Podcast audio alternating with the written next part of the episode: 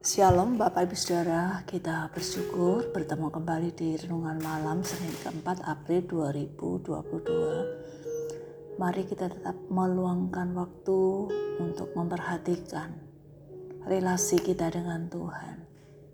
Merenungkan kebenaran firman-Nya agar di dalamnya kita bukannya semakin mengenal siapa Tuhan kita, namun juga memahami dengan benar siapa diri kita di hadapan Allah yang masih Tuhan izinkan untuk hidup di tengah-tengah dunia ini.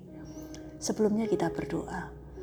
Kami bersyukur ya Tuhan untuk kasih setia Tuhan, anugerah Tuhan yang kami sadari, yang telah memampukan kami untuk menjalani kehidupan kami sepanjang hari ini dengan berbagai macam realita, peristiwa yang Tuhan izinkan kami alami di hari ini. Bapak, sebelum kami beristirahat, kami mau membaca dan merenungkan dari sebagian kebenaran firman-Mu. Kami membutuhkan hikmat Tuhan agar kami dapat memahami dengan benar, melakukan dengan benar, seperti yang firman Tuhan kehendaki untuk kami lakukan. Berbicaralah ya Tuhan, kami siap untuk mendengar. Dalam nama Tuhan Yesus kami berdoa. Amin. Mari kita memperhatikan dari kitab 1 Petrus pasal 2 ayat 11 dan 12. Demikian firman Tuhan. Saudara-saudaraku yang kekasih, aku menasihati kamu supaya sebagai pendatang dan perantau, kamu menjauhkan diri dari keinginan-keinginan daging yang berjuang melawan jiwa.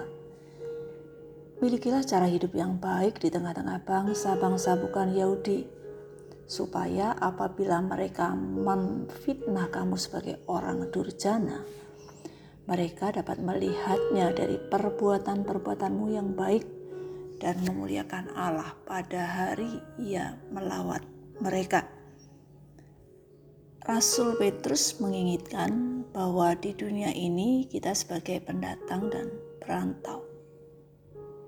Kita mengetahui bahwa istilah pendatang itu menunjukkan bahwa seseorang itu bukan penduduk di suatu tempat dengan hak yang terbatas di tempat tersebut. Pendatang merupakan gambaran bagi orang percaya yang berada dalam dunia yang sementara ini. Sedangkan istilah perantau itu artinya seseorang yang tinggal dalam waktu yang singkat. Suatu hari nanti akan kembali ke tempat di mana ia berasal. Hal ini mengingatkan bahwa sesungguhnya orang percaya adalah warga negara kerajaan surga yang sedang merantau di dunia yang sementara. Harus berjuang melawan keinginan-keinginan daging. Berperang melawan dosa, baik itu dalam pikiran, perkataan, maupun perbuatan. Sebagai pendatang dan perantau, orang-orang percaya yang berada dalam posisi minoritas itu sedang menghadapi tekanan yang dituntut ketaatannya kepada Kristus. Seringkali meskipun sudah melakukan yang benar, tetapi berkali-kali difitnah, bahkan mengalami penderitaan karena kebenaran yang dilakukannya. Dengan menjauhi dosa, minimal akan mengurangi dari tuduhan dan fitnahan Penderitaan harus dihadapi karena melakukan yang benar, dan hal itu pun sudah lebih dahulu dialami oleh Tuhan kita Yesus Kristus.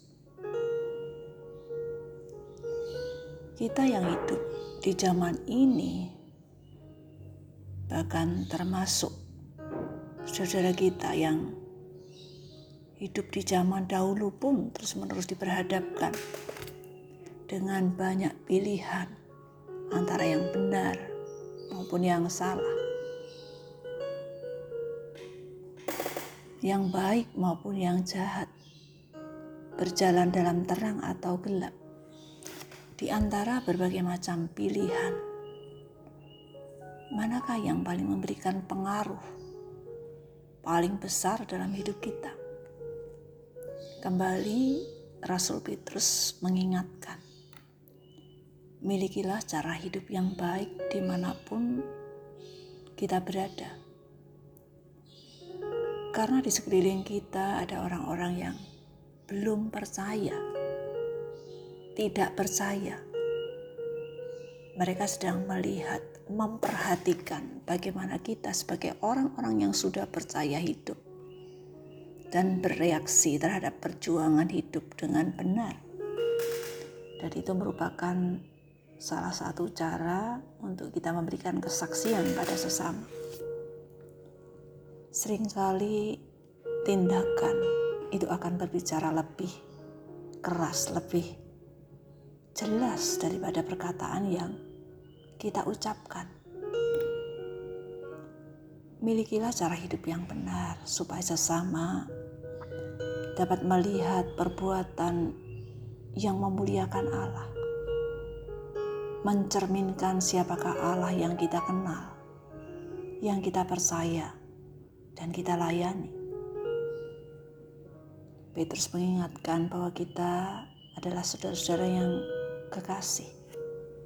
Artinya, orang-orang yang dikasih Allah, umat kepunyaan Allah, milik Allah.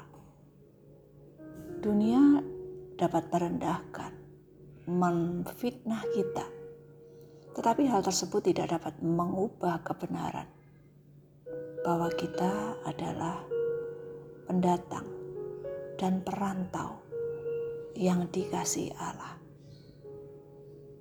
Marilah kita menyadari status kita sebagai pendatang dan perantau yang hanya sementara ada di dunia ini.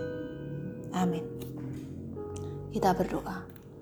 Bapa yang di surga kami bersyukur diingatkan bahwa kami sebagai pendatang dan perantau yang dikasih Allah Berikanlah kami hikmat dalam menghadapi berbagai macam pilihan, supaya dapat memilih melakukan yang benar.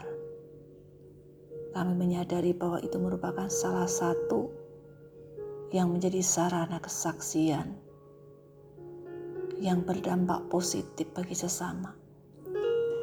Kuatkanlah iman kami dalam menghadapi kesulitan maupun tantangan karena melakukan kebenaran yang Tuhan kehendaki.